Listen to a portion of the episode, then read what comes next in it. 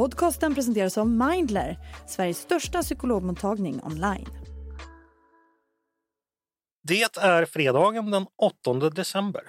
Jag heter Andreas Eriksson och du lyssnar på Ledarredaktionen.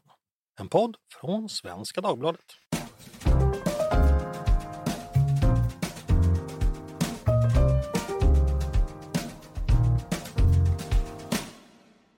Varmt välkomna till oss igen, till ännu en podd med Svenska Dagbladets ledarredaktion. Och idag så är det ju fredag och då vet ni vad som gäller. Jag har samlat omkring mig mina kollegor på redaktionen för att vi gemensamt ska prata igenom veckan och berätta vad vi tycker, tänker och kanske känner om den.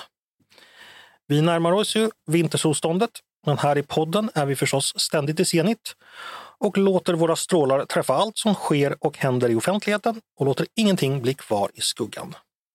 Och de som ska hjälpa mig med denna grannlaga uppgift idag, de heter Tove Livendal, Paulina Neuding och Peter Wemblad. Hej på er!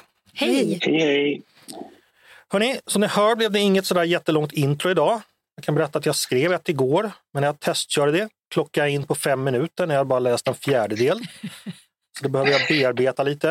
Eh, men det är riktigt bra. Det börjar med att en man dricker vin vid Sens stränder och slutar med att Björn Söder blir statsminister. Så det är en tämligen vild resa. Men det får vi återkomma till. Nu ska jag säga Shag Chanukka Sameach eh, till er som firar. Eh, Chanukka inleddes ju i går kväll. Vi som firar jul får vänta ytterligare några dagar på det. Tänkte kolla, stämma med dig Tove, julförberedelserna. Har du fått upp dina adventsstjärnor än överallt?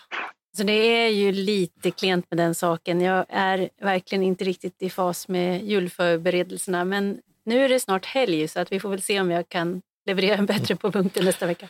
Ja, apropå leverans nästa vecka. Det är ju min födelsedagsvecka, så där har du ytterligare en punkt att, att klara av. Absolut, den står inskriven i min papperskalender. Du är för alltid vår Lucia, Andreas. Ja, stjärngosse var jag ju när jag var bebis. Fick jag en strut på huvudet. Tumstrut det första som hände mig. Paulina, har du bakat struvorna, lutat fisken och kryddat snapsen än? Struvorna, vad är det för något? Eh, Det är en sorts kakor som görs med ett speciellt eh, järn. friterar. Man friterar, för ner och ser ut som stjärnor. Annars så brukar man fråga sig vad stuva och fjät är för någonting den här tiden på året. Jag tror jag pratade om det i podden, att det var obegripligt redan på 20-talet när sången skrevs. Alltså det, är- det är Det liksom en tillkämpat eh, gammaldags... Mm. Ja, exakt. Du, när vi träffades idag Paulina, det första du sa, har du sett att det finns lussekatter? Fick du tag på några? Nej, det visade sig vara en eh, saffranslängd, men jo då. Den var inte dum. Peter, eh, hur pittoreskt är Visby vinterskrud just nu? Det är faktiskt ganska pittoreskt. Lite slaskigt idag, men det har eh, varit väldigt eh, vackra veckor. Mm, jag förstår det. Du, vi börjar ju komma upp i den åldern att vi halkar på isen på gatorna där. Eh, har- du börjat köra med broddar eller? Jag körde faktiskt broddar för ett par år sedan. Jag borde göra det samtidigt, men det var ett sånt oerhört slag för min självbild. Ja. Så att, och tack och lov har jag väldigt kort bit från eh, mitt hem till kontor, mitt kontor i Visby. Så att, eh, jag hoppas... Men jag, jag, jag vet ju det, det kommer sluta illa. Förr eller senare. Men då, blir då har du ju Lassis nära där vid Nordeport. Hörni, vi ska dra igång med veckans ämnen. Eh, Det har ju hänt som vanligt massor och massor med eh, saker som bara skriker efter tyck till om mig. Jag tänkte börja med dig Peter och då ska vi prata storpolitik. Eller så stor den nu kan bli i Sverige när vi då ändå håller oss inrikes. Det är ju så att regeringen och SD de har förhandlat fram en ny överenskommelse. Eller ny och ny. Internt kallas den för Tidö 1.1. Det är alltså inget 2.0. Det ska väl tolkas som att det handlar om vissa förändringar, inte helt nya saker. Vi vet inte så mycket om det här än. Eh, I alla fall har inte så mycket blivit offentligt känt än. Man kan väl misstänka att det kommer portioneras ut i lagomma pressträffsbitar fram till jul. Men tänkte Peter, av det vi har hört, vad, vad, vad tror vi Tidö 1.1 kommer handla om? Det är precis som du säger, just den här benämningen 1.1 handlar väl just om att inte, man utökar inte samarbetet med nya frågeområden. Nej. Utan det är vad ska säga, tillägg till de befintliga eller uppdateringar av de befintliga. Och vad har kommit fram sakpolitiskt då, hittills? Ja, ja, än så länge är det någon eh, utredning som ska räkna på invandringens kostnader. Och sen så eh, fick vi ju en debattartikel igår torsdag om eh, reformering av strandskyddet. Mm. Det är ju intressant. Absolut. Det, det är eh, mycket angeläget. Vårt svenska strandskydd är ju lätt bisarrt. Så att det saknas ju inte skäl att göra något rejält åt det. Eh, Centerpartiet försökte ju under i januariöverenskommelsen men eh, det blev ju inte mycket av det. Nej, att, men eh, precis. För det kanske, vi ska berätta historien här då. Att strandskyddet var ju med i salig januariöverenskommelse. Och det var någonting med storleken på sjöarna eller då? Att små dammar Ja. skulle man få... kan du bara uppdatera Ja. oss om detta? Ja, alltså så här. Eh, Centerpartiet, eh, det var ju Liberalerna vill ju också ha reformering av strandskyddet. Men det var, det var ju en hel del av det de fick in i januariöverenskommelsen som... Alltså, ja, de lyckades få in det i överenskommelsen men det var ju ganska givet från början att det inte skulle komma ut så mycket på andra sidan. Mm. Så att Miljöpartiet förhandlade ju den här reformen till oigenkännlighet. Eh, och det var nästan parodiskt vad det, hur strandskyddet skulle lättas upp för det handlade ju om om eh, vid sjöar med mindre än 100 meter i diameter tror jag. Och längs diken. Mm. Alltså, eh, och det är liksom inte riktigt där strandskyddsproblematiken har sitt eh, epicentrum. Nej, jag räknade på, eh, för er som känner till Stockholmsområdet, om ni känner till Stockbysjön på Lidingö, eh, den är alltså större än de sjöar som gäller. Och den kan ni åka till, alltså det handlar om små kärnar eller gölar tror jag man, man sa. förut. Ja, exakt. Jag vet att när jag skrev om det här när förslaget kom eh, så konstaterade jag att det handlar om vattendrag som är så små att de inte ens syns på sådana där stora du vet, såna där kartor som våra pappor hade i, i, i bilen som man liksom vecklade ut över motorhuven. Inte ens där. Nej, just det. Flexibility is great. That's why there's yoga. Flexibility for your insurance coverage is great too. That's why there's United Healthcare Insurance Plans. Underwritten by Golden Rule Insurance Company, United Healthcare Insurance Plans offer flexible, budget friendly coverage for medical, vision, dental, and more.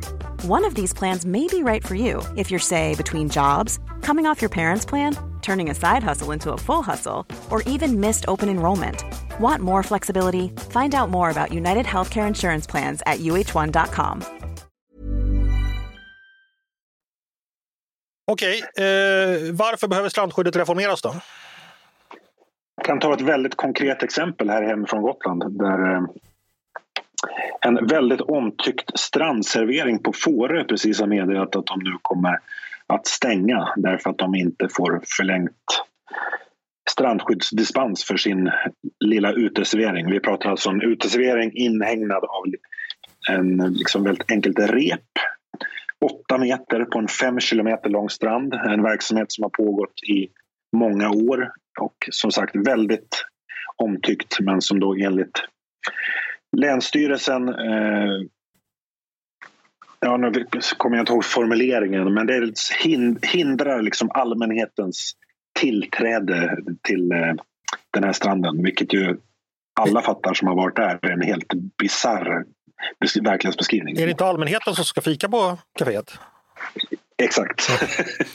eh, nej, det, vad, vad lagstiftningen och länsstyrelsen lägg, lägger i för betydelse i, i ordet allmänhet är mycket oklart skulle jag säga. Okej. Eh, invandringens kostnader och strandskydd. Vad mer har eh, trillat ut av Tidö 1.1?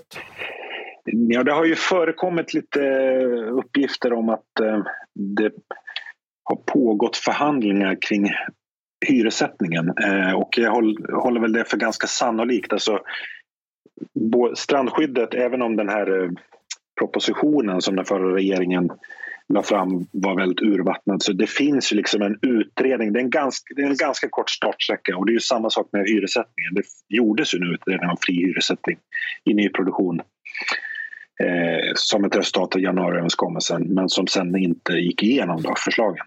Okay. Eh, ska jag höra vad ni andra tycker. Nu, nu, jag frågar dig Tove, nu får vi höra lite om vad Tidöavtalet eh, kanske kommer innehålla i sin 1.1-version. Jag frågar dig då, eh, vad borde det innehålla? Det borde innehålla ett stort framåtsyftat reformpaket för tillväxt och utveckling. Alltså det, det är ja, eh, jag tänker på det, en utredning om invandringens kostnader. Det känns som vi är tillbaka 15 år i tiden. Mm. Eh, jättemärkligt. Eh, det, det finns ingen idag, som, det, det hålls ju inte tal längre eh, av de stora partiledarna eller stora partiernas ledare som, som inte talar om konsekvenser och kostnader och problem. Och så. Det är känt. Det finns liksom ingen så det här är fånerier egentligen? Att ja, det, det, är ju, det är signalpolitik. Mm. Här, det, det, är fortfarande att på något sätt försöka vinna kampen om att vi ska prata om verkligheten, men det, det, gör, det görs ju. Men däremot så saknas det en idé om hur intäktssidan ska kunna bli större och hur Sverige ska kunna bli ett land där man kan känna framtidstro och se att saker och ting växer. Så den, det är ju där man måste komplettera det som, har hand, som Tidösamarbetet 1.0 har handlat mycket om, det här, om man då ska ut, använda det här uttrycket, få ordning på Sverige. Det är klart att de, alla de förslagen behöver se efter, man behöver alltid vårda reformer, men det som saknas är ju idén om ett växande Sverige ekonomiskt och utvecklingsmässigt om tio år. Och du tror inte Tidöpartierna kommer chocka oss med en julklapp med ett stort reformpaket nu inför jul? Jag har tittat, eh, än så länge skymtar det inte under granen om man säger Nej, så. Du har men, klämt på dem, det är, det är bara mjuka paket. Men det kan, ibland kan det vara så att man kan lägga en liten lapp under granen och så får man gå till ett angränsande rum och där står den här stora cykeln inslagen i sitt papper. Okej, okay. Eh, Peter vad tror du? Tove fantiserar om cykel i, i, i garaget. Eh, gör hon rätt i det eller kommer hon bli besviken? Jag tror att hon kommer bli mycket besviken. Det är fortfarande bara mormors hemstickade socker. Okej. Okay. Eh, vad säger du då Peter? Vad, vad, vad, vad borde ett eh, Tidö 2.0 kanske då, inte bara 1.1, vad, vad borde det innehålla? Det är en väldigt bra eh, fråga faktiskt. Eller så, eh, efterfrågar du det också eller är du nöjd med 1.1? Kan jag börja med att fråga. Ja, alltså, än så länge är jag nöjd. För, så här, precis som Tove säger, den här utredningen det är ju någon slags pysselsättning för Sverigedemokrater. Och det kan ju de få ägna sig åt. Strandskyddsreform, bra. Eh, ja, och förhoppningsvis då eh, hyressättning eh, också. Alltså det är klart att jag också hoppas på att det borde finnas tillväxtreformer men jag tror inte att det kommer att göra det. Tove? Nej, men jag tänker att det, alltså, det är bra det här med strandskyddet, det var bra det här med danstillståndet, de sorters frågor som på ett sätt kan man säga i relation till våra stora problem är små, men det är ju ett signalvärde i att man slutar, ursäkta uttrycket, jävlas med folk i onödan. Eh, så, och där kan ju då de borgerliga partierna hitta SDs liksom folkliga del, att där kan man ju städa undan en del sådana där saker där staten bara blir en bromskloss. Så det tycker jag är bra, men det räcker ju inte. Paulina, vad ska släppa in dig i den här diskussionen? Eh, Peter och Tove de, eh, ja, tycker väl att det här är 1.1, det, det, det låter väl okej, men de, de efterlyser någonting mer. Eh, vad är ditt perspektiv? Är det så att regeringen fortfarande har fullt upp och att tid, det, det tidigare tidavtalet är det som borde fokuseras på? Eller ja, vad, vad, vad, vad tänker du? Det är så komplicerat för vi befinner oss, befinner oss i kris på så många områden samtidigt. Alltså eh, försvarspolitiskt, säkerhetspolitiskt, när det gäller kriminalitet, när det gäller skolan. Alltså det, det är så mycket som behöver liksom hanteras akut och sen så går det så förtvivlat långsamt. Och så kommer något om strandskyddet, vilket för all del, som Tove säger, man ska inte jäklas med folk i onödan. Eh, men det går för långsamt, det sker för lite. Eh, och det är som att Eh, man kan kolla på Danmark, den här eh, koranbränningslagen, den har man ju tagit fram fort. Det tar ju några månader och sen så är den, jag säger inte att vi ska ha samma lag, men eh, man har en kris och sen så har man en respons. Och jag ser liksom inte den krisinsikten trots allt i Sverige. Och Tidöavtalet är inte krisinsikt nog? Ja, men det händer ju ingenting. Eller det händer mycket lite. Det händer alldeles för långsamt. Eh, vi vet att eh, Gängen använder sig av barn för att gå och mörda folk och vi bara låter det pågå månad efter månad efter månad efter månad. Och sen så vet vi att de skickas till dysfunktionella SIS-hem och det får pågå och, och, vi vet om det. Och vi vet om att man, man mördar människor i Sverige idag utan att det händer någonting i princip. Och vi låter det pågå. Fast regeringen har väl ändå haft hyggligt reformtempo när det gäller just, ja, inte minst på straffrättens ja, men område? Hyggligt, hyggligt reformtempo. Ja. Men det är fortfarande så att det här året har ju varit präglat av en mordvåg där människor går i princip strafffria för mord. Man skjuter folk i, i, på Emporia, man skjuter folk till döds här och var, spränger bomber och sen så finns det i princip en, en strafffrihet för de som begår de här brotten. Man tycker att det skulle gå lite fortare att täppa till det hålet, men mm. det, vi, vi är liksom alldeles för sömniga för det fortfarande. Peter, du viftar. Ja, eh, alltså jag, jag, delar Paulinas frustration i sak över eh, liksom det långsamma, det man kan tycka är ett för långsamt reformtempo. Men jag skulle säga det handlar inte om sömnighet. Alltså frustrationen är precis lika stor inne i regeringskansliet. Alltså, tempot är ett resultat av vad ska säga, hur de, hur beredningsprocesser ser ut och vad ska säga, de, det juridiska ramverket för hur vi stiftar lag och skriver, tar fram föreskrifter i Sverige. Det är inte svårare än så. Ja, men så tänkte jag också, eller, Paulina, att blott Sverige svensk beredning har. Att mm. Det ska ju genom utredningar och i och med att det är lagstiftning så är det väl så det är och det är väl ganska bra ändå.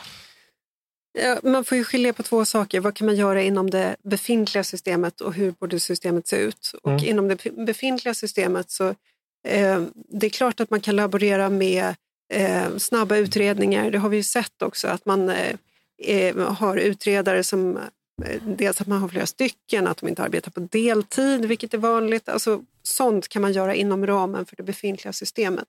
Mm.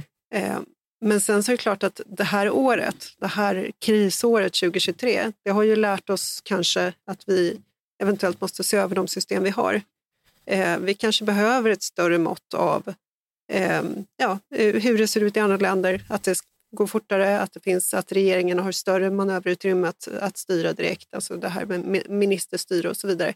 Det är kanske är ett system för en annan tid, men det, det är in, liksom ingenting som man kan ändra här och nu. Nej, det kan man inte heller ändra så, så snabbt. Så men, men, men eh, vi kanske behöver dra lärdomar av det här, att, att det nu har gått ett år av en akut kris med torpeder som mördar folk utan att i, praktiken straffas för det, mer än att de får åka på play, Playstation-läger som det kallas eh, bland kriminella. Det, så det måste ju vara en lärdom, för det är mm. djupt, djupt omoraliskt och fel att vi har det här systemet tänker ändå, vissa saker förändras. Redan den förra regeringen ändrade exempelvis det här med livstidsstraffet, att det kan ju alla över 18 få nu. Och det mm. utdömdes ju första gången till en 18-åring i samband med det här mordet på en taxichaufför, där vi fick dom för några veckor sedan. Eh, och vilket skapar enorma marginaleffekter så tillvida att är man under 18 ska man inte få fängelse alls. Men har man fyllt 18 ska man få livstidsfängelse. Man kan få fängelse under 18 med, under ja. extrema förhållanden. Men, men, men, i praktiken så är det ju ungdomsvård. I praktiken så är det så att det är fyra år på SIS-hem som är max. Och SIS-hem är ju liksom också en katastrof. Mm. Men där är det ju på gång också förändringar. Mm. Eh, det sker ju. Eh, Tove, här, Paulina är, är otålig. Peter säger att man är otålig inom regeringen också. Om vi tar just den här eh, brottslighet, lagstiftnings, krishanteringsbiten. Hur otålig är du? Hur tänker du kring det? Jag tror att hela svenska folket är otåligt. Eh, så att jag delar absolut den känslan som Paulina ger uttryck för. Men sen har också Peter en poäng att det, saker och ting ska beredas ordentligt. Det positiva nu är väl ändå att vi, vi lever liksom inte i förnekelse längre utan alla talar om de här sakerna. Eh, den här, vi har pratat tidigare i podden både om det här med ungdomsfängelser som nu ska bli verklighet och det, det skyndar de ju på. Det har ju, sen vet jag inte hur det ska gå till rent praktiskt därför att det inte bara är att smacka upp eh, nya byggnader hur som helst. Men, men det är bra att man ändå signalerar att det här måste gå fort. Just av det skälet som Paulina är inne på, att vi vet nu också att 93 procent av de som sitter inne för grova brott på, på de här hemmen återfaller. Så att det mm. visar ju att det här har inte varit tillräckligt.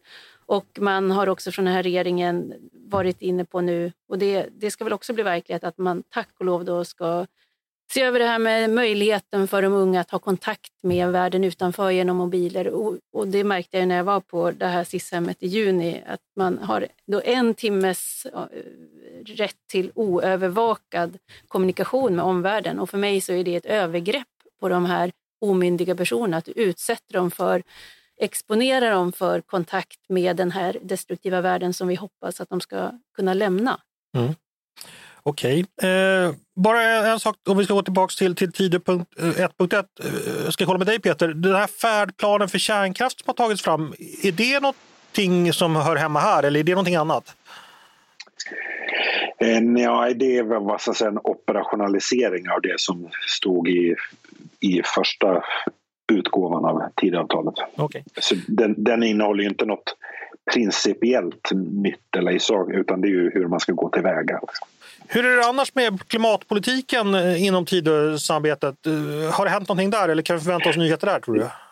Ja, det har ju redan kommit. Det var ju några veckor sedan som eh, man hade en gemensam presskonferens och berättade att man även hade... För, för klimatet ingår ju egentligen inte i Tidöavtalet. Det är ju energifrågor som är väldigt nära kopplade men liksom, Sverigedemokraterna har ju till exempel fram till den här nya överenskommelsen då inte ställt sig bakom de svenska klimatmålen till exempel. Så att där var det då ett, ett tillägg till, eh, till eh, Tidöavtalet. Mm, och, det, och det innehåller faktiskt en del, alltså, nu blev den stora nyheten att Sverigedemokraterna ställer sig bakom klimatmålet men egentligen en mer intressant nyhet är liksom hur nu klimatpolitiken, vad ska jag säga, eh, blir någon slags överideologi i, i eh, regeringskansliet, alltså att det blir styrande på ett helt annat sätt till exempel för Finansdepartementet. Det är, inte, det är, liksom, det är Finansdepartementet nu som ska leda och samordna det klimatpolitiska arbetet, inte liksom ett sakdepartement. Okej, eh, vi får helt enkelt fortsätta följa det här och se vad som döljer sig bakom luckorna när de öppnas nu fram till jul på, på Tidö 1 plus 1.1. Peter, har du någon insiderinformation om vi kan vänta oss någonting nästa vecka eller vad, har du hört något? Eh, nej, jag har bara hört att det kommer hända, eh, men vad det kommer innehålla. Men jag, jag anar att, vad ska jag säga, de kanske lite svårare frågorna, lite mer kontroversiella frågor lägger man så sent som möjligt. Dels därför att det är närmare jul och dels därför att man behöver lite tid för att vad säga, samordna kommunikationen och vad ska säga, förbereda sig för motreaktioner. Mm. Så pressträff 16.15 eh, fredagen den 22 december eh, låter väl alldeles utmärkt för vissa frågor. Ja. Eh, men de kan inte lura oss för då slänger vi in en extra podd. Eh, ja, då, då, då, då slutar vi den boken för idag och så går vi vidare. Hej, jag Ryan Reynolds. På Mint Mobile, we like to do the opposite of what Big Wireless does. They charge you a lot, we charge you a little. So naturally, when they announced they'd be raising their prices due to inflation, we decided to deflate our prices due to not hating you. That's right. We're cutting the price of Mint Unlimited from $30 a month to just $15 a month. Give it a try at mintmobile.com slash switch. $45 upfront for three months plus taxes and fees. Promote for new customers for limited time. Unlimited more than 40 gigabytes per month. Slows. Full terms at mintmobile.com. Uh, innan vi pratar mer politik, jag tänkte bara kolla mer. Uh, julkalendern har ju rullat igång. Uh, mina barn tittar. Gör era? Nej, det gör de faktiskt inte. Men jag har tänkt att jag ska... Har du hunnit se? Nej, men jag vill. Jag, den har fått väldigt fina recensioner har jag förstått. Så att jag mm. tänkte att det kanske kan bli ett helgprojekt det mm. också. Jag råkade lyssna på radions julkalender. Ja. Eh, och vill, jag skulle vilja be om ett eh, moratorium på berättelser om eh, utvalda barn som ska gå i speciella magiska skolor. Mm, det känns gjort. Det känns, efter 25-30 år så känns det som, kan man inte komma med något nytt? Mm, det, det, det håller jag med om. Vi, vi, tar ett moratorium på minst fem år. Mm. Peter, dina barn är väl för stora för, för, för julkalendern, men du vet att det är, det är då Trolltider som är tillbaka igen? Ja, jag har ju faktiskt ett barn som till och med är myndigt. Mm. Eh, jag vet faktiskt inte om de ser den. De har hållit i den traditionen länge. Men jag är ju varannan veckas förälder och de har inte varit hos mig sedan julkalendern drog igång. Jag såg själv eh, första avsnittet, men det blev inte mer. Nej. Det, det, känns ju som ett extremt säkert kort. Eh, som vi vet, julkalendern har ju varit omgärdad eh, ofta med, att, eh, med lite skandaler och tittarstormar och sådär. Men i år känns det som man spelar helt ofarligt. Eh, vi ska bara har ni någon sån där favoritjulkalenderskandal som ni, ni, ni tänker över eller fortfarande lider av sedan sen barndomen? Nej, men här om, det var väl tio år sedan nu som de hade någon sån här om eh, när de skulle prata sex inför barnen. Eh, det skrev jag om då, ja. i Dagens Samhälle. Just det, mm. Think of the Children, ja. Precis. Mm, precis. Det är jättefånigt Men- att tänka på barn. Vem skulle göra något så löjligt? Eh, Som alla andra 80-talsbarn förfärades jag då eh, som barn av just Marias barn. Eh, Den här enastående tråkiga med stillbilder och entonig berättarröst som föreläste den bibliska historien. Eh, eh, och, och, och vi satt ju helt skräckslagna, vi var ju vana då vid, vid video och kabel-tv och satt ju helt skräckslagna inför detta eh, och kände oss att det här med Herodes barnamord var nästan att föredra framför att behöva plågas av det här. Peter, minns du också den med, med samma måndag? ja, jag minns det mycket tydligt. Och jag har tänkt någon gång att man, jag vet inte om det här ligger på öppet arkiv, att man, att man borde gå tillbaka. För liksom går man tillbaka till de program man tyckte var fartfyllda så tycker man ju de är otroligt sega nu. Ja. Alltså, så att Marias barn, det måste ju i- i stort sett varit, nej, jag vet inte, ingen, bara stod helt still. Nej, men, men precis. Det var väl i princip eh, förlossningen utdraget på 24, 24 delar. Möjligtvis dök det upp någon heder på slutet. Eh. Ni minns ju julstrul då med Staffan och Bengt, eh, Tomten med pistol. Eh, tidigare hade vi, vi hade Broster Broster, den här eh, lätt könsöverskridande 70-talskalendern. Eh, Snucke i höghuset med, med, med, där själva kalendern var en grå papplåda till barnens förskräckelser. Och så vidare och så vidare. Men, men Trolltider är ju då, känns ju politiskt korrekt i alla tider egentligen. Alltså, tomtar och troll tycker man ju aldrig är fel. Men på, tal, men på tal om just att återvända till gamla serier. Jag såg även det första, för jag har ingen relation till Trolltider. Men jag gick tillbaka och såg det första avsnittet av gamla Trolltider. Ja, Det var ju otroligt flippat alltså. ja det var nog det. Men det var Maria Gripa och ytterligare någon som skrev manus, va? Det är mer än jag vet. Mm. Eh, faktiskt.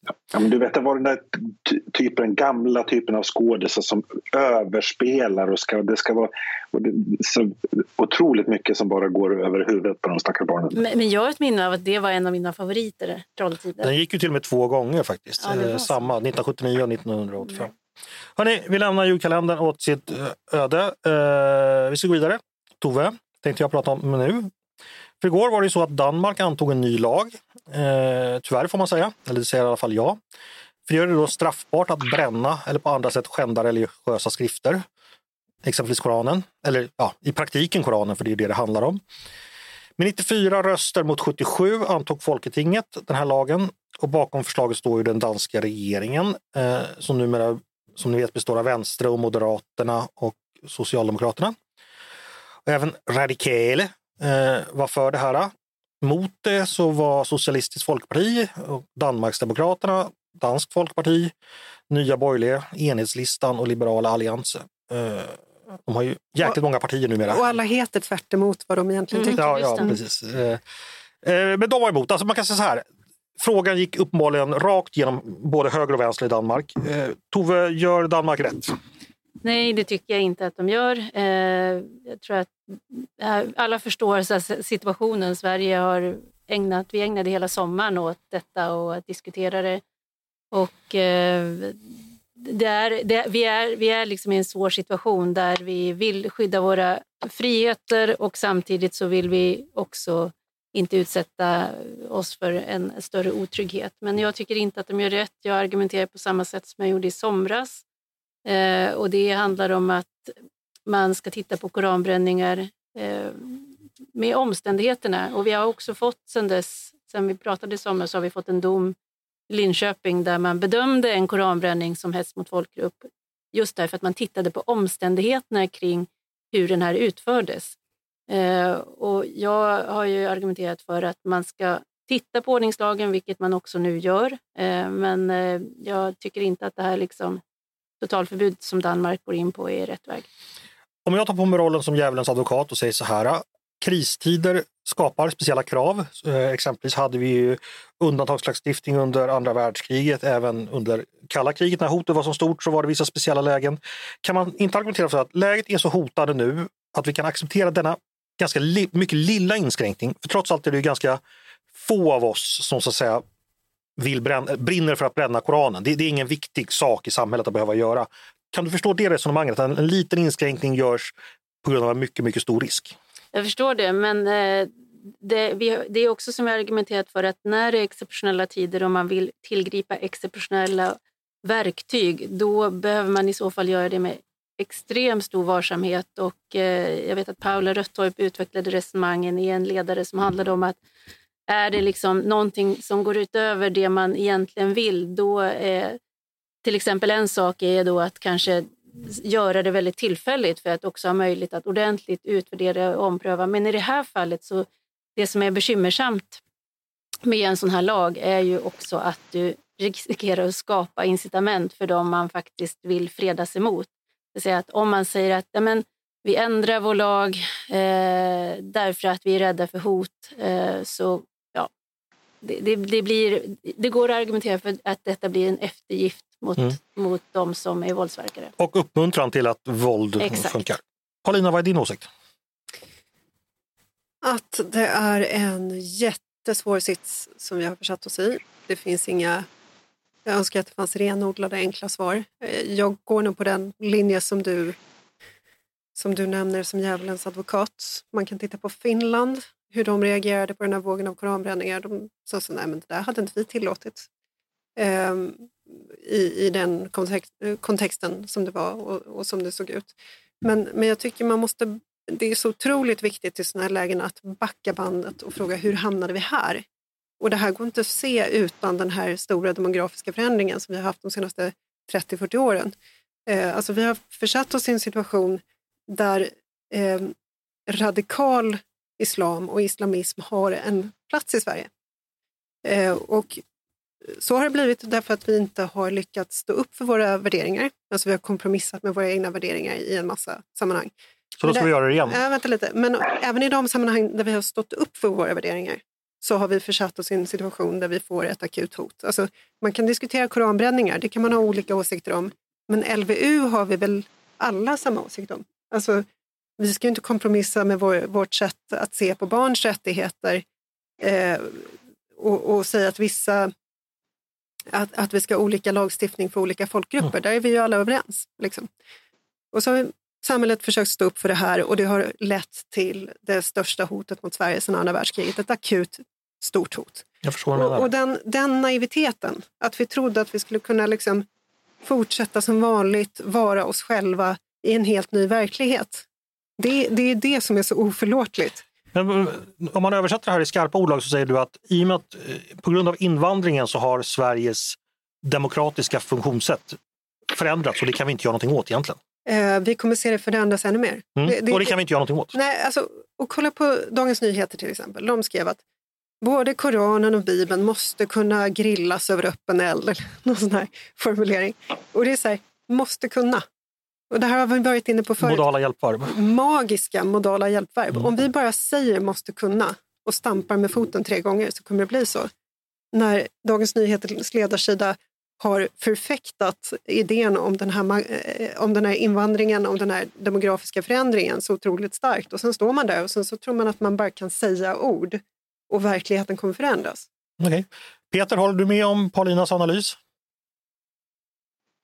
Har som vanligt en tredje ståndpunkt. Ja, låt höra. Eh, jag tycker att det, danska förbudet är fel. Eh, men jag tycker att det är rimligt att Säga, eller vi har redan en ordning för vad man, vad man får och inte får göra i det offentliga rummet och var man eh, får göra det. Och jag tror att i det liksom allmänna rättsmedvetandet oavsett om man är eh, muslim eller islamist eller infödd sekulär svensk att den typen av aktioner, alltså att bränna en koran utanför en moské, det är lika provocerande och liksom oanständigt som att bränna en israelisk flagga utanför en synagoga. Alltså det är någonstans förhållningsregler för det offentliga rummet tycker jag inte är eh, särskilt märkligt.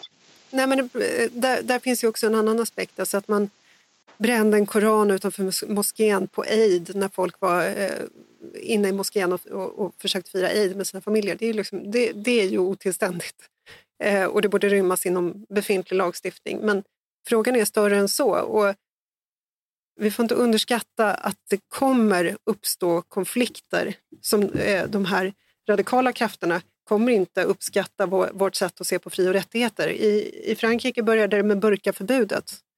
Eh, det, det, I Sverige så dök det upp LVU. Det kommer alltid finnas någonting som blir eh, en gnista till, till våld eller en förevändning för våld.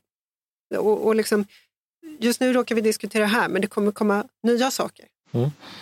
Om vi fortsätter ändå med koranbränningar. I Sverige har ju Socialdemokraterna gått ut med, det gjorde de redan i somras, att de vill utreda något form av det som ska landa i förbud. Eller, eller så här, de, de vill utreda om existerande lagar skulle kunna användas för att, att, stoppa koranbränningar. Vilket är lite märkligt för den utredningen av vad lagen säger brukar man ju överlämna till domstolar. Men, men det verkar så, om jag tolkar Socialdemokraterna rätt så är det så att de vill i alla fall inte att det här ska kunna ske i Sverige. Eh, att man, man ska kunna straffas om man bränner vissa böcker. Eh, Tove, eller tolkar du Socialdemokraterna så också? Det, det, jag, jag, tror de har landat där. Jag tror att det är det de ja. har efter. Vad tror vi väljarna tycker? Svenskar i gemen? Har, Tove, har du någon känsla för det? Ja, det vet vi. Åtminstone i somras när det var så eh, hett om eh, ordvitsen tillåts så eh, gjordes ju undersökningar och där fanns ju en, ett folkligt stöd. Jag tror att där var det väl en majoritet jag minns att jag tog upp de där siffrorna i min text och sa att jag håller inte med någon av de här olika svarsgrupperna därför att det beror på hur man definierar. Men där fanns det ett folkligt stöd för att förbjuda. Eh, och eh, jag menar ju att, att för mig är ju som Peter inne på, jag gjorde en jämförelse då mellan vad ordningslagen i övrigt säger om vad är liksom ett anständigt beteende i det offentliga rummet. Och vi har regler för det. Jag får inte gå naken i alla sammanhang, jag får inte göra, uträtta mina behov publikt. Det, det är massa sådana grejer därför att vi, vi säger att nej men, det gemensamma rummet, där finns det ett antal spelregler som man får hålla sig till. Jag tycker att det är en eh, oanständig handling att försöka så, förolämpa på olika sätt. Men jag vet, vi, har, vi hade en diskussion, du och jag hade det Andreas, eh, om det. Därför att det är klart att det är en, det är en tolkningssak. Men jag tycker att den här debatten blev kapad. Man sa att en koranbränning är alltid ett uttryck för yttrandefrihet. Och där menar jag att det är inte det. Jag skulle ju då kunna hävda att om jag går ut med en hink på torget och sätter mig och kissar där och säger det här är min yttrandefrihet. Jag, jag, jag vill... Spännande samtidskonst. Ja, eller hur. Men så kommer jag få vara beredd på att någon säger ja, det kanske är för dig, men vi har en ordningslag här och där kan du inte göra de här sakerna. Så jag, jag tycker att det är rimligt att ha en diskussion eh, i det här fallet om vad för slags aktiviteter man får göra var och när. Sen absolut, jag är ju med i DN hela vägen. Vad du gör hemma vid din egen liksom, eldstad är upp till dig själv och du kan ha vilka eh, Ja, naturligtvis, du får väl följa eldrestriktioner och sådär. Eh, men, men du kan absolut sitta där och grilla böcker om det är viktigt för dig. Jag undrar hur det här kommer påverka poddar. För om, om jag bränner en, en, koran eller en bibel här i podden och man kan höra liksom lågorna och sånt där, är det, kommer det falla inom? Är det ett offentliggörande av bränningen? Eh, det kan man fundera på. Nu med, i de här eh, AI-tiderna så kan man ju inte heller vara säker på att det är äkta. Precis. Hörrni, vi ska gå vidare. Eh, innan vi gör det ska jag bara kort eh, återrapportera en sak. Eh, det var ju så att jag för några veckor sedan eh, bad er som lyssnar om hjälp med att vi vill ha respondenter till en, en lyssnarundersökning. Och sen, eh, det var ju jättemånga som hörde av sig, det var jätteroligt. Jag tror det var 70 eller 80 personer som gjorde det. Eh, vi valde ut några som fick gå vidare och eh, den här är nu genomförd, den här lyssnarundersökningen. Och det var jätteintressant verkligen. Och ta del av den. Eh, vi kommer få en helt färdig rapport av de som marknadsavdelningen som har skött den snart. Men jag vill bara återigen passa på att tacka till eh, ja, dels ni som deltog förstås, men alla som hörde av er. Det, det värmde verkligen att veta att ni är så många som vill hjälpa till och göra podden bättre. Och det kommer förstås få konkreta resultat. Efter jul så kommer vi göra en liten lite korrigeringar här och var. Eh, jag funderar faktiskt på om jag ska skaffa mig ett eh, favoritmoment i podden. Eh, det här är en tanke jag prövar, men Paulina kan du berätta, vad är det jag håller i just nu? Du håller i en vuvuzela. Du håller i en vuvuzela, det stämmer. Vuvuzelor var ju någonting som var väldigt populärt i svensk politik för ett tiotal år sedan. Eh, ni vet den mycket framgångsrika antirasistiska kampen mot SD som fördes mellan 2005 och 2015 som höll nere dem på, på promillesiffror. spelar ju vuvuzelan en mycket, mycket stor roll. Eh, man var helt enkelt ute och tutade eh, då och, och, och SD hade ju, hade ju inga, ja, framförallt 2015 var ju en succé. Sverige har väl aldrig, har väl aldrig liberaliserat eh, migrationspolitiken så mycket som under det året. Nu tänkte jag på något nu sätt... måste du för icke-generationskamrater berätta att du är ironisk. eh, hörni, jag vill att Vuvuzelan ska ingå i podden på något sätt i framtiden. Och eh, Tove ser helt förfärad ut. Eh, ju, ju, just nu. Eh, men satte ni på någonting nu? Ja, det var jag som tryckte på låtsasskratt-knappen. Jaha, jag hörde inte det i mina lurar nämligen. Ja, okej. Ja, okej. Då Så, missade du hela... så jag, så jag satt, satt liksom och, och pratade och ni hade ett låtsasskratt. Jesper, nu vill jag verkligen att du lyssnar på hur, hur det här blir så att jag kommer ut väl. Åter till VVC-an, den ska införas på något sätt. Och jag tänkte det, vi kan göra så här att man får en gång per termin har man rätt att åberopa vuvuzelan. När någon säger något dumt, då får man ta vuvuzelan och blåsa in i mikrofonen. Nu har ju Paulina redan försatt sin chans för hon du använde låtsasskrattet för att tysta mig. Men eh, förstår ni poängen här? Är det någonting ni, ska vi ha det här som mitt nya favoritmoment? Absolut. Ja, Peter, Jag är för. men Peter, hur ska du kunna blåsa du som befinner dig på distans? Du får skaffa din egen. Ja, men du, du får blåsa. Jag får säga till dig att blåsa. Ja. Paulina, gillar du tanken på att kunna blåsa sönder någon när Mattias pratar friskt knark eller något sånt där? Jag, jag vet inte, jag försöker vänja mig vid tanken. Okej. Tove, du ser definitivt positiv ut. Ja, men jag, är ju, jag, jag håller ju på med en text som handlar om det här med att man inte ska använda vuvuzelor och sånt. Så att det här blir kognitiv dissonans. Med tanke på att Sverigedemokraternas väljarskrifter fullkomligt slogs sönder under många år med hjälp av vuvuzela så vet vi ju hur effektivt det är. Hur, hur kommer det att fungera tänker jag, rent hygieniskt så här med covid i åtanke med det här aerosol- aerosolen man ska blåsa i samma lur? Så att säga. Det är ju en intim aspekt här och den tycker jag vi ska bejaka. Hörrni, vi ska gå vidare. Eh, Paulina, vi ska bli allvarliga igen. Eh, jag tänkte prata om en text du har skrivit eh, som publicerades idag eh, som handlar om Greta Thunberg, eller kanske snarare omvärldens reaktioner på och behandling av henne.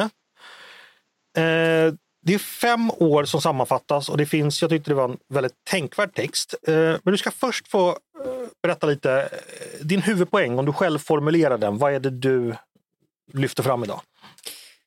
Ja, det sker ju en omprövning av Greta-bilden, åtminstone utanför Sverige. Eh, tyska magasinet Der Spiegel hade en, eh, en, eh, ett omslag med Greta Thunberg där man i artikeln ställer frågan är Greta Thunberg antisemitisk eller bara ofattbart naiv?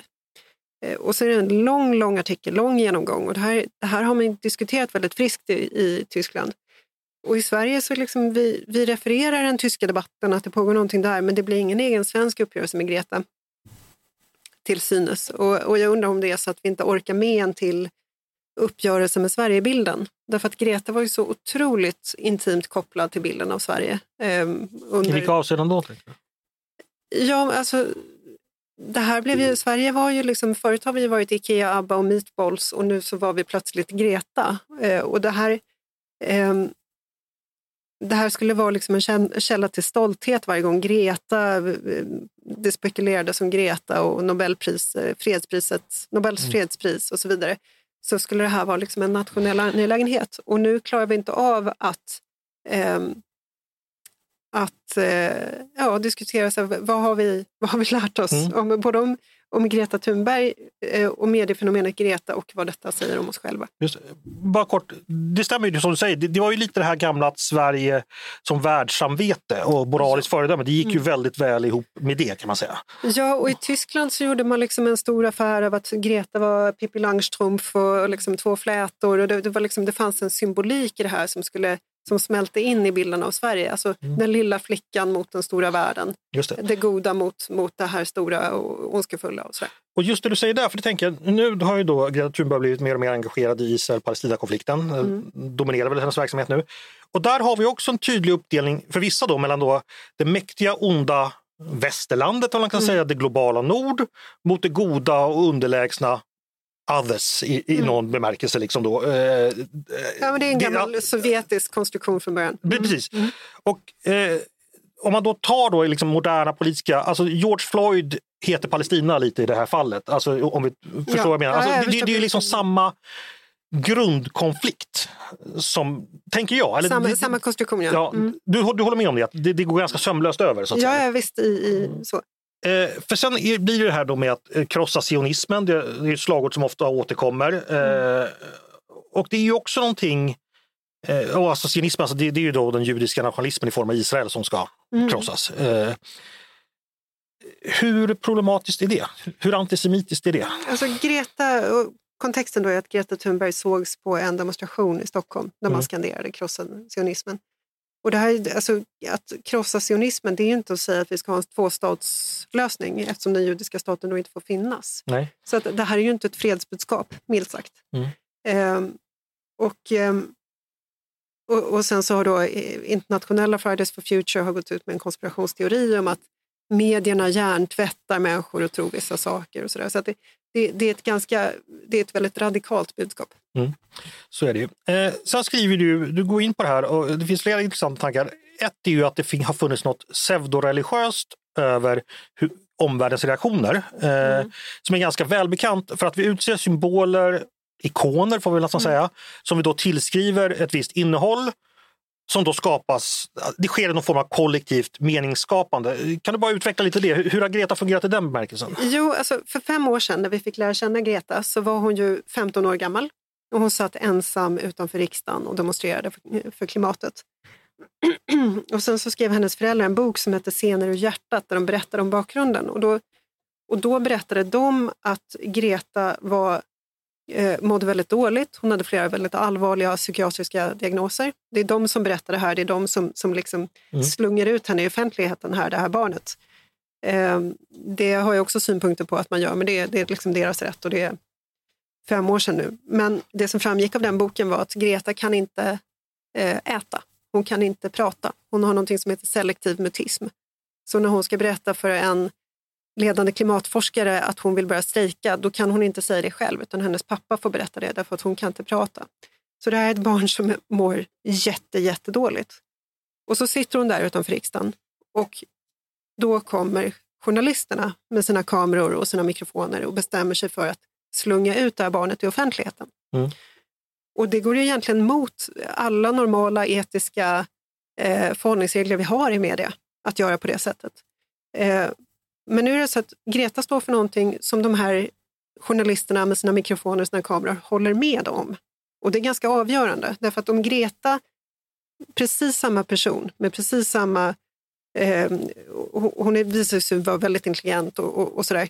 Eh, om Greta hade haft precis samma förmågor och samma engagemang men hade varit engagerad mot migrationspolitiken eller berättat att hon är jätterädd för att bli rånad av gäng, då tror inte jag att, att hon hade fått de där mikrofonerna och kamerorna i ansiktet på samma sätt. Mm. Det var den här pseudoreligiösa aspekten jag frågade om. Ja. Kom in på Eh, det. och, och sen så, då, så man, man gör Greta, äh, samt som Greta Thunberg då är en väldigt kompetent och, och duktig person redan vid 15 års ålder, så blir hon en slags ställföreträdare. Alltså man lyfter fram henne som, som den här som säger sanna och rätta och goda saker. Och vi som då inte håller med Greta Thunberg i hennes slutsatser, vi kan ju inte gå in i en debatt med henne, därför man kan ju inte gå in i en debatt med ett barn. Nej, nej, så- så det såklart inte. Det, det, och, och istället så får vi det här magiska då, det här barnet som, som står för det som är rätt och det som är sant just därför att hon är ett barn. Ehm, och ehm, i barnböcker så idoliseras hon, alltså hon eh, ni vet de här, den här hemska barnboksgenren med så här hjältar och förebilder och sådär. som bara Hjältinnor ofta. Mm, ja, precis. Mm. Det, det är det och sen så eh, olika delar av Svenska kyrkan utropar henne till Jesus och det är Eh, nu när SVT ägnar ett program åt henne så pratar man om huruvida hennes gloria har hamnat på sniskan. Alltså det, det är hela tiden, man, man talar hela tiden i termer av helighet och så vidare. Mm. Och sen så kommer det här då, hon reser på det här obefläckade sättet då över havet och, och allt det där. Och sen så när hon får det här, den här panikattacken eller vad man ska kalla det inför den församlade världseliten. Eh, med How dare you? how dare you? Ja. Det normala i det fallet, alltså medieetiskt, det är att liksom vinkla bort kameran och stänga av mikrofonen därför att du har ett barn som, som inte mår bra. Mm. Eh, istället så väljer man att ta emot det här how dare you. Det här, nu, nu är den här heliga personen verkligen under inverkan av högre makter. ja, det låter ju snarast som ett, eh, alltså en pingsthändelse. Ja, ett orakel, Ja, mm. någonting så, alltså väldigt så här. Eh, och eh, det här pseudoreligiösa tänkandet har varit genomgående hela tiden. Att, att Greta, och då menar jag mediefenomenet Greta, jag vill liksom skilja det från personen Greta Thunberg. Mediefenomenet Greta har varit renare, godare och så vidare just för att hon är ett barn, Mm. eller har varit ett barn.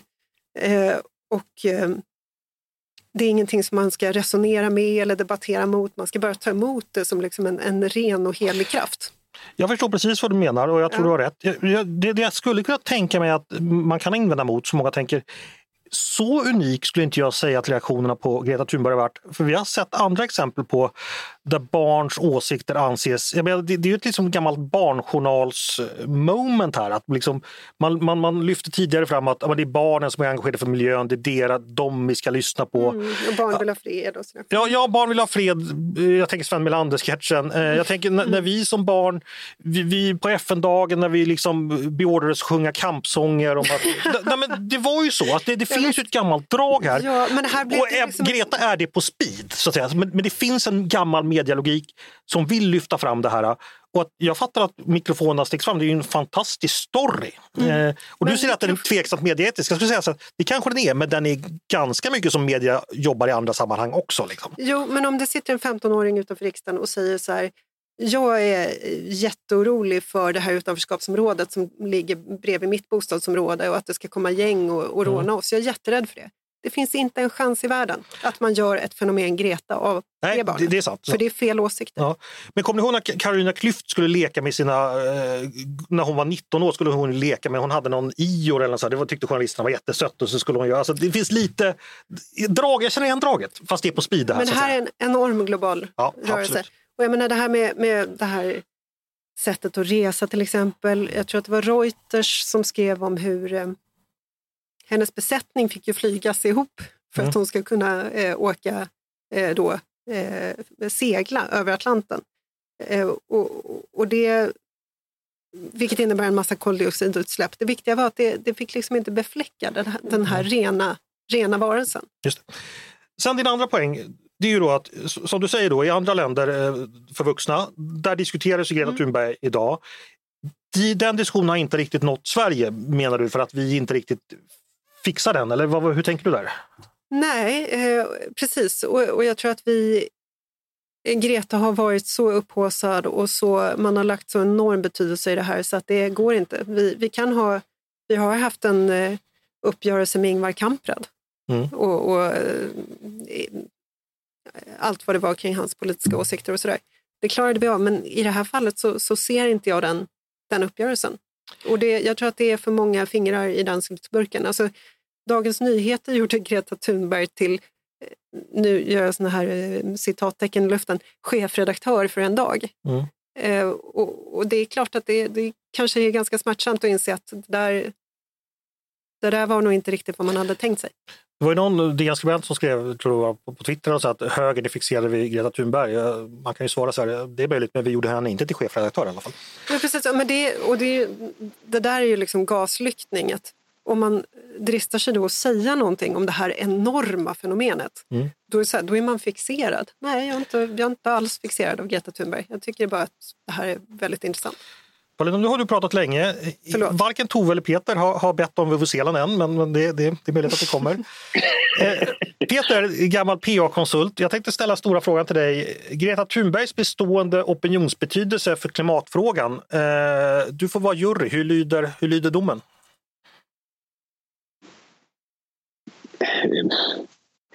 Ja, mycket begränsad. Alltså jag skulle säga hon har haft eh, en eh, ganska stor betydelse för vad säga, klimatengagemanget och eh, medvetenheten om vad ska säga, eh, klimatförändringarna.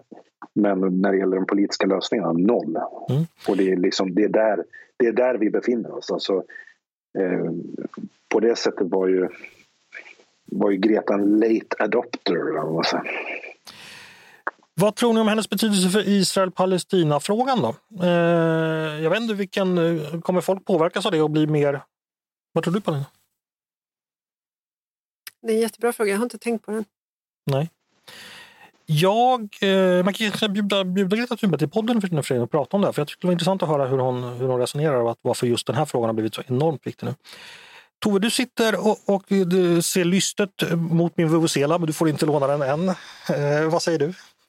Nej, men jag tycker att det är en viktig och vuxen text som Paulina har idag och den är det, blir, det, är, det är något oerhört som vi ändå har sett tycker jag och det oerhörda är vuxenvärldens behandling av ett barn. Eh, och den orätt som jag tycker att omvärlden har gjort mot Greta Thunberg. Det är en person där inne som uppenbarligen då inte har mått så bra och att göra då, att använda henne som en maskot för sina syften eh, utan att egentligen tänka på hennes välfärd. Det, jag tycker att det, det, det är grymt.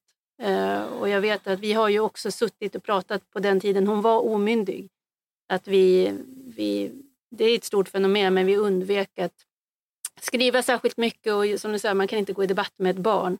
Eh, och eh, dessutom om man också känner till att det, ja, hon mår inte bra så får man ju på något sätt avstå från att försöka exponera ännu mer.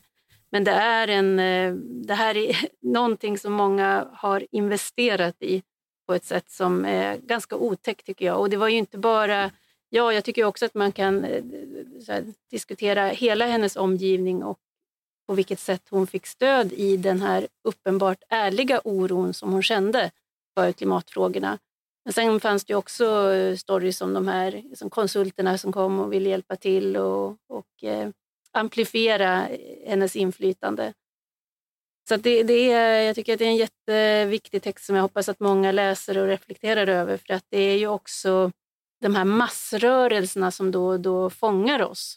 Också därför att vi tycker det är fantastiskt med personer som kan bli en hel berättelse. Det är inte svårt att förstå att vi kan bli fångade av det, men det gäller nog att fundera på just vad är det vuxna ansvarstagande i ett sånt här läge. Och att, apropå den här kommentaren då från DN, fixeringen handlar ju just, jag menar, DN har i det här fallet tycker jag också del i att om man, om man gör en person som helt uppenbart, man kan säga att det, det som Greta Thunberg har lyckats förmedla, det är ju att hon har väckt ett engagemang hos väldigt många som annars inte kanske hade brytt sig om politiska frågor. Sen har ju miljöfrågan haft en förmåga att återkommande fånga just kanske lite yngre generationer.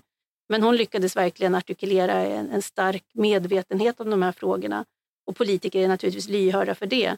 Men sen skulle jag nog säga att eh, hennes budskap har ju, precis som Peter sagt, jag vet inte ens om jag skulle säga noll. Jag tror att på ett sätt så kanske den här fixeringen vid att det bara löser sig om man, om man är tillräckligt orolig fördröjde snarare de politiska lösningarna att komma på bordet jag, som vi nu diskuterar. Jag tänkte precis fråga, vilket budskap? För jag hängde aldrig riktigt med budskap mer än How dare you? Det, det, det minns man ju, men, men det, vad på, hjälper det? Nej, men lyssna på science och, och grejen är så här, det vore så fantastiskt om man bara kunde luta sig tillbaka och lyssna på men det är politik. Eh, politik. Ja, Science är om man kunde luta sig tillbaka och liksom falla tillbaka på en massrörelse där vi bara är upprörda eller där vi bara lyssnar på science. Men det finns inget som heter det. Alltså, vi kan Nej, lyssna på, finns det anledning till att vi har politik? Jag, jag, skulle vilja lyssna på experter på internationella relationer. Det skulle jag vara intresserad av i det här sammanhanget. Men det finns inget utrymme för i, i, i den där rörelsen. Nej. Hörni, eh, det om det. Eh, podden, eller texten då, publicerad idag. Eh, helsida med, med, med bild och allting. Eh, jätteintressant skrivet tycker jag, framförallt det här med eh, men jag tycker vi kan ge ett tips till Greta att lyssna på vetenskapen. Alltså Greta hävdar ju att det pågår ett folkmord till exempel i Gaza. Men vi har ju haft folk som håller på vetenskapligt med sånt här. Det är några veckor tillbaka i tiden nu, men kring vad, vad man får göra och inte göra inom ramen för folkrätten. Mm. Man skulle nästan behöva en faktagranskare här. Det är märkligt att vissa saker faktagranskas mer sällan trots att Sverige har 1,8 faktagranskare per capita senast jag, jag kollade. Så att, uh, where have all the faktagranskers gone? Det kan man fråga sig. Eh, hörni, eh, vi ska gå vidare och tiden springer ifrån oss märker jag verkligen. Vi får eh, skyffla några ämnen vidare till nästa vecka tror jag. Eh, för nu har det faktiskt blivit dags för mitt favoritmoment. Eh, och det heter Vuvuzela, det, det heter Svar direkt då jag stresstestar mina kollegors politiska reflexer, som jag brukar säga, och deras förmåga att blixtsnabbt skilja gott från ont och sant från falskt. Det går helt enkelt till så att jag likt ett upplägg från researchgruppen som SD kan smasha ner till massor med nya väljare erbjuder mina kollegor möjligheten att slå en dödande smash på ett nyligen lagt förslag. Och det gör man genom att säga ja eller nej och vara för eller emot. Helt enkelt ge svar direkt. Är ni redo? Ja. ja. Ja. Vid årsskiftet sänks bensinskatten med 75 öre per liter. Detta var ju en viktig del av regeringens budget i höstas. Men vad tycker kollegorna? Är ni för eller emot den här sänkningen? Jag vill ha svar direkt. Emot. Pass. Ja, jag tänkte säga, jag inväntar Peter, men jag tycker det svänger hela tiden, det diffar hela tiden. Så jag, jag vet ju att det är inte bara priset som sänks utan det finns en massa faktorer där och det finns gungor och karuseller. Men det kommer Peter att kunna redogöra för. Plädera för din position Peter. Eh, ja men alltså klimat, alltså Bränsleskatter och sådär, det är ju liksom en del i klimatpolitiken. Och säga ja, klimatpolitiken behöver legitimitet och orimliga bränslepriser när det saknas alternativ kommer inte att bli legitimt. Men samtidigt, ska vi fasa ut fossila bränslen så måste vi jobba med prismekanismer. Eh, så att jag, tycker inte, jag vet inte riktigt vad regeringen vad de ska använda för verktyg istället. Alltså John Hassler resonerar en del kring det här i sin klimatutredning att i, slutändan så är det ju liksom priset som kommer att mm. få de fossila bränslena att försvinna. Okay. Svenska Dagbladets ledarredaktion gör tummen ner för denna skattesänkning alltså. Vi tar en till. Eh, tjänstemän på regeringskansliet som arbetar med politikområden som är prioriterade i Tidöavtalet kan räkna med högre lön i nästa års löneförhandling. Detta enligt direktiv från arbetsgivaren som DN har rapporterat om. Så här skriver man. Arbetsgivaren avser detta särskilt uppmärksamma skickliga medarbetare som arbetar inom delar av regeringskansliet där kompetensförsörjningen bedöms som särskilt viktig för att uppnå verksamhetens mål och krav och för att biträda regeringen i genomförandet av sina politiska prioriteringar som de kommit till uttryck i regeringsförklaringen och Tidöavtalet. Det här har då väckt vissa protester inom myndigheten, framförallt förstås hos de som inte arbetar med sådana områden. Men vad tycker ni, är det här rimligt att eh, man går ut och gör? Är ni så att säga för eller emot? Jag vill ha svar direkt. För. Mm, för. Ja. Låt oss säga att det beror på. Mm. Det är veckans folkpartister. Ja, då blåser vi vuvuzela. Eh, då får, Paulina, varför är det här det bästa sen, sen skivat franskbröd? Jag tror att um att det är viktigt eh, att man... Eh, ja, du är ju så otålig så du vill ju ha... Ja, man, man behöver nog ha rätt folk och sen så tror jag det finns, kan väl finnas skäl att förmoda att just Tidöavtalet kanske saker som har med det att göra kan möta visst motstånd inom förvaltningen. Och det har man ju sett i eh, Storbritannien att det finns eh, förvaltningen sätter sig på tvären när det är konservativa reformer. Eh, och eh, det är möjligt att det finns sådana mekanismer också. Så här smörjer man upp förvaltningen lite med lite extra pengar? Ja, ja, ja inte så. Men, okay. ja. Peter, eh, det här har ju framställts som lite skumt. Tycker du det? Eh, ja, men, så, jag har inte följt det här jättenära men den här karaktären av nyheter eh, får alltid mig att ana att Det finns liksom nyanser i det här som inte riktigt eh, framkommer. Så om jag får göra en killgissning så tror jag att det handlar om att just för att regeringen vill hålla högt tempo i Tidöreformarbetet så är det en hög arbetsbelastning i regeringskansliet. Och för att få folk, politiska som opolitiska tjänstemän att göra det där, springa den där säga, sista hundra metrarna så kan lönen vara ett, ett verktyg. Liksom. Så är det säkert. Hörrni, vi tar en till eh, som handlar egentligen lite eh, om eh, privatlivet. Men, eh, jag undrar så här. Eh, det är nämligen så att vissa förskolor har stoppat föräldrar från att komma och titta på lussetågen. Eh, att bli uppradad i ett trångt rum fyllt med föräldrar och kameror eh, upplevs som obehagligt för många barn. Och där, därför så säger man att föräldrar helt enkelt inte får komma. Det här rapporterar DN. Exempelvis Värmdö kommun har gjort så. Vad tänker ni om detta? För en del föräldrar blir förstås jätteupprörda över det här. Vad, vad tänker ni eh, om det här förslaget? Är det någonting ni är för att man gör ibland eller är ni emot? Jag vill, jag vill svara ett långt svar. Ja, jag med. Mm. Okej. Okay. Eh, Paulina? Jag tycker att vuxna ska fundera över det här liksom paparazzi-samhället som man skapar för det uppväxande släktet när, när barn hela tiden ska fotograferas eh, och eh, överallt, vad de än gör och eh, allt ska läggas ja, men, sociala okay. medier. Så, så du har förståelse för att man drar, drar ner på föräldranärvaron helt enkelt? Inte föräldranärvaron, men jag tycker med paparazzandet. Man får inte plåta? Pa paparazzi och mamarazzi är ett problem. Mm.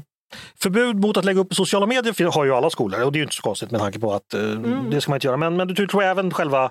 Nej, inte när, men jag säger det. Närvaron är inte ett problem, men däremot så, så finns det liksom en kultur och observation att göra om paparazzi och mamarazzi och att de är jobbiga. För jag tänker en aspekt här är ju lite, det har ju också förts fram, jag såg någon åsikt om att det här är lite curling, att barn har väl alltid tyckt att det är lite jobbigt men det är ändå någonting man ska lära sig och kunna uppträda ibland. Och liksom, varför ska vi...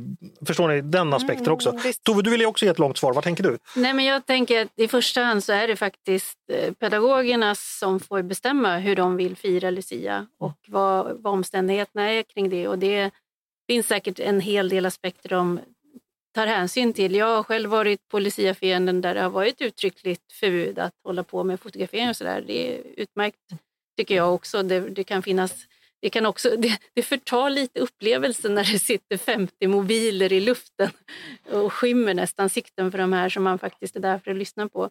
Ehm, men eh, så att jag, jag tänker att, och det sen beror på naturligtvis vad man har för barn. Och, så att jag tänker att pedagogerna behöver få ha sista ordet men det finns ju då eh, det behöver inte vara binärt utan som sagt jag tror att om problemet är att man känner att det blir störande då får man sätta upp regler för föräldrarna. Men det är ju svårt att kompromissa för vissa föräldrar vill ju verkligen komma och tycker att det är en stor besvikelse att det inte blir så. Det har alltid varit så. Medan andra kanske känner helt... Och det, jag vet inte, man kanske ska göra närvaron frivillig men det, kanske, det är också svårt. Vad gör barn frivilligt och inte frivilligt? Jag tycker det är jätteviktigt att man har ett gemensamt Lucia-firande. Och det är så här, det är Ja, traditionsskäl typ då? Alltså. Ja, ja alltså så här, om, vi, om Sverige har någonting som hör hemma på liksom Unescos lista över eh, viktigt kulturarv så är det ju Lucia-firandet. Jag Det är tänkte du ett skulle säga den här podden, men okej. Det också. Men menar, och, och det är tusan vad, vad Lucia-firandet ska vara föremål för en massa trams hela tiden. När vi har det här fantastiska arvet, kan man inte bara eh, göra det som det ska göras, som det alltid har gjorts, eh, utan att hålla på och förstöra det på olika sätt? Ja, men det är ju det man ändrar nu, för nu, föräldrar har väl alltid fått ja, komma? men Jag säger det, så det, det är klart man ska släppa in föräldrar. Därför, däremot så tycker jag att hela det här med att barn jämt ska behöva filmas och fotas och läggas upp på sociala medier som, är, som inte är schysst. Bra, då går vi vidare från detta till mitt favoritmoment som också är dagens sista moment. Eh, Det är ju det här vi kallar eh, Är du smartare än en ledarskribent? Som ni säkert känner till vid det här laget, men, men för nytillkomna lyssnare ska jag kort förklara vad det går ut på. Det handlar ju om att jag försöker tygla de starka underströmmar av konkurrens och förbittring och tävlingsinstinkt som präglar redaktionen i likhet med alla miljöer där toppredatorer samlas. Eh, därför har jag uppfunnit vad som kort kort är en frågesport där mina kollegor får svara på några enkla frågor kring de ämnen vi diskuterat. Och ni där hemma kan också vara med och tävla. Då svarar ni snabbare och rättare än vad mina kollegor gör.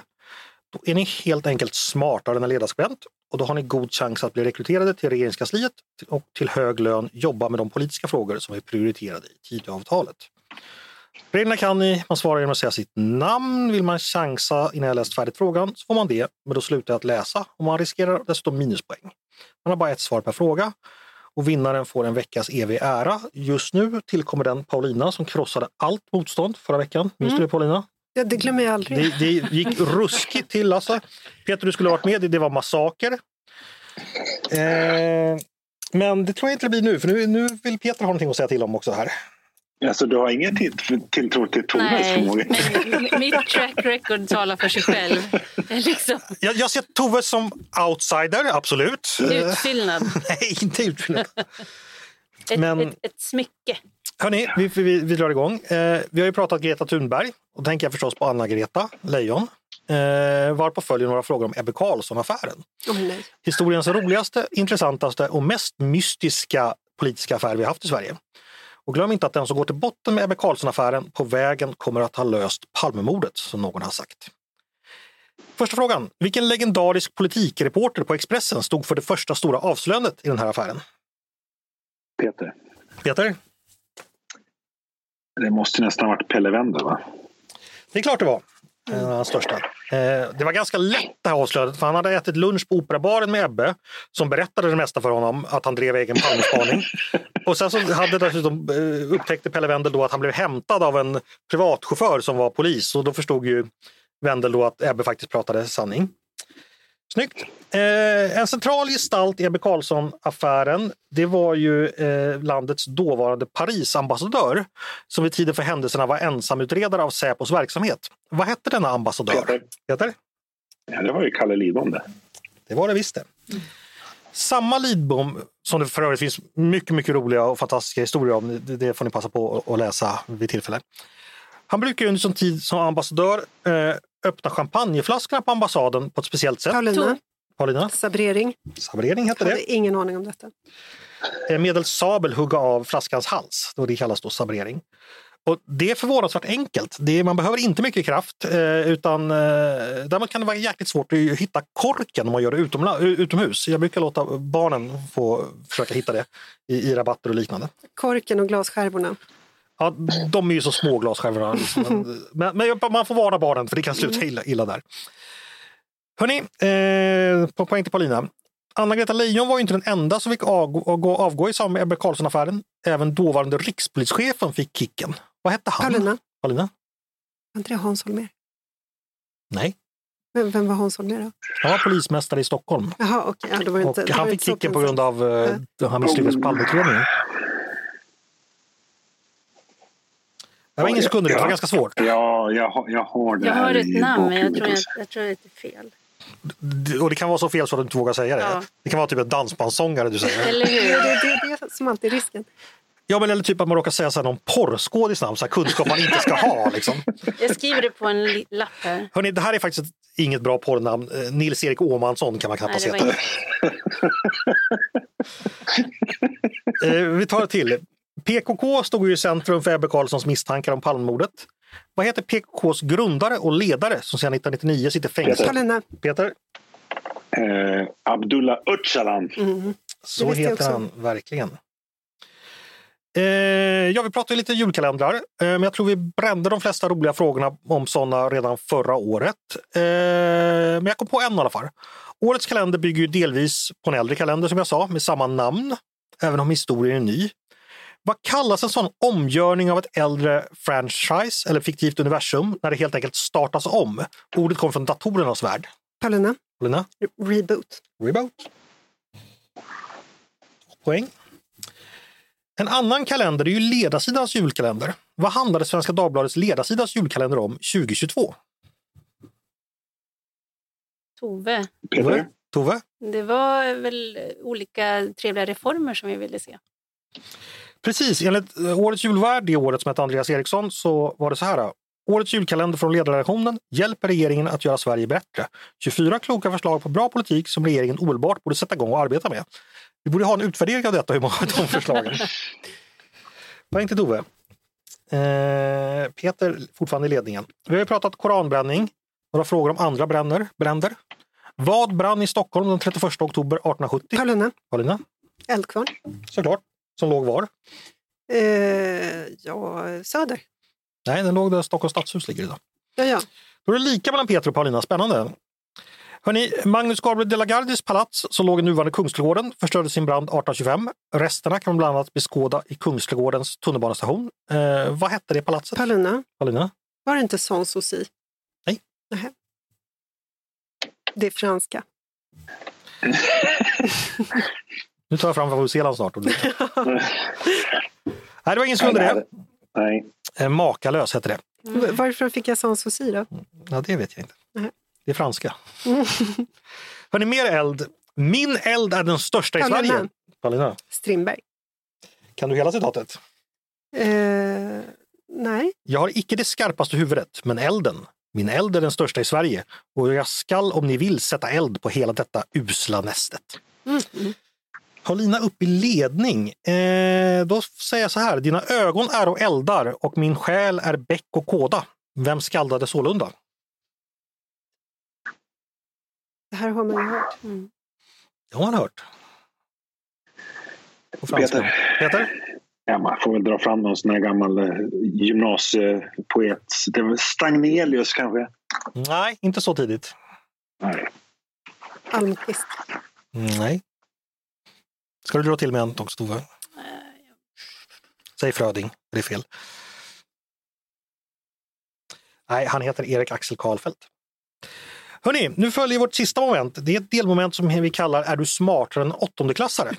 eh, för då har jag nämligen fått hjälp av veckans prao-elev här på redaktionen, Tone. Eh, med frågor. Jag bad henne berätta, ställa några frågor om saker hon precis har lärt sig just i åttonde klass. Och det är väldigt spännande. Paulina leder alltså med fyra poäng och Peter i skugga på tre. I en näringskedja, hur många procent av energin förflyttas typiskt sett till nästa nivå? Ska man säga exakt? Ja, jag vill ha, ha ett procenttal då. Paulina, Paulina? 28 procent. Det var fel. Ni förstår vad jag menar. Om, om vi käkar en oxfilé så, krävs det, så är det så mycket som kom jämfört med, med, med gräset som oxen har ätit, eller kossan har ätit. Jag förstod inte frågan men jag kände ändå att det var ett rimligt svar. Peter, du, du har väl gått natur? Ja, alltså jag vet ju bara hur en, enorma mängder energi det krävs Mm. för att producera en ko. Ja. Eh, men jag vet inte hur det är i naturen. Nej, okej. Det är, Det var men ingen jag som... säger 10 procent. Det gör du rätt i. Du har rätt. Hörni, hur räknar man ut eh, cirkelns area? Peder, Paulina, Peter? radien gånger, radien gånger pi. Ja, eller radien i kvadrat som vi matematiskt intresserade säger gånger pi. Då gick du upp i ledning Peter. Nu ska vi se, har vi någon Yes. fråga kvar? Eh, vi har faktiskt en. Nej, vi har två.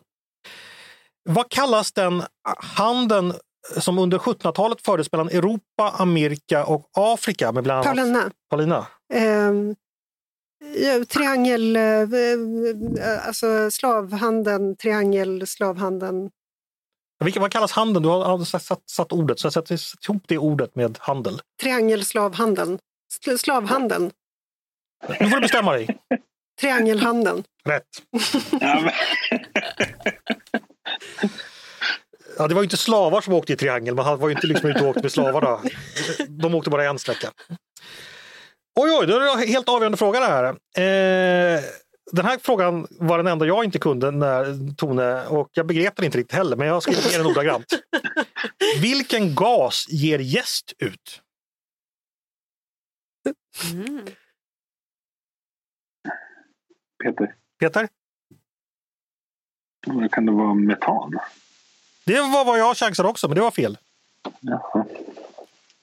Nej, jag tror att det är... Eh, vill du chansa? Det vill vara roligt att säga- helium, men jag säger ehm, syre. Nej, det var fel. Tove? Jag passar. Svaret är koldioxid. Det innebär att vi får en utslagsfråga mellan Paulina och Peter som bara ni får svara på. Och då är det närmast vinner. Eh, och eh, Paulina, du måste svara först då eftersom du är regerande mästare. Jaha. Hur många procent av amerikanerna säger sig att de alltid brukar lämna dricks efter att ha fått en hårklippning? Hårklippning. Mm, alltid lämna dricks. Mm. Eh, då är det fler än som faktiskt gör det. Eh, Så det, vet, det framkommer inte Nej, men det, men det, gör- alltså, det är ju sådär, man, man säger att man är godare än vad man är. Och kvinnor kommer nog säga detta oftare än män.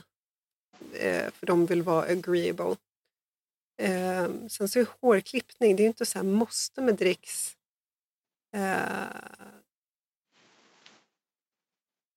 30 procent. 30 procent. Vad säger du Peter? Jag för att det är fler. Ja, så, så 31, eller? Eh, ja, men fast to- är Tove med på den här frågan också? Nej, Tove är inte med.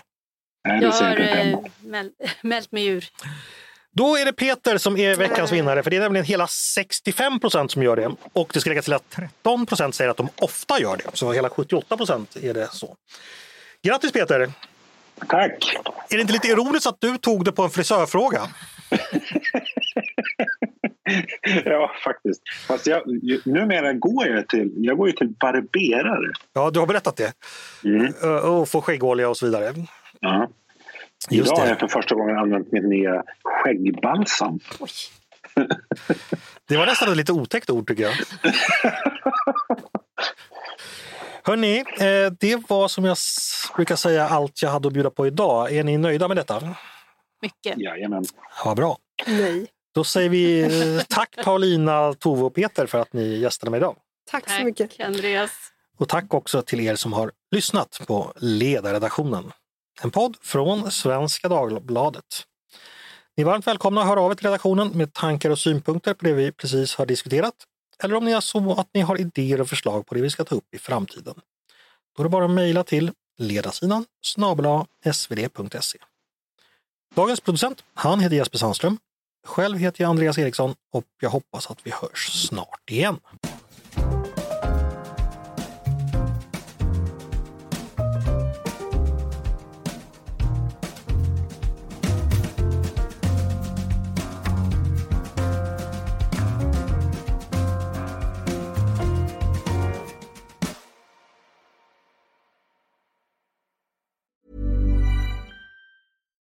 Botox Cosmetic, out of botulinum toxin A, FDA approved for over 20 years. So, talk to your specialist to see if Botox Cosmetic is right for you.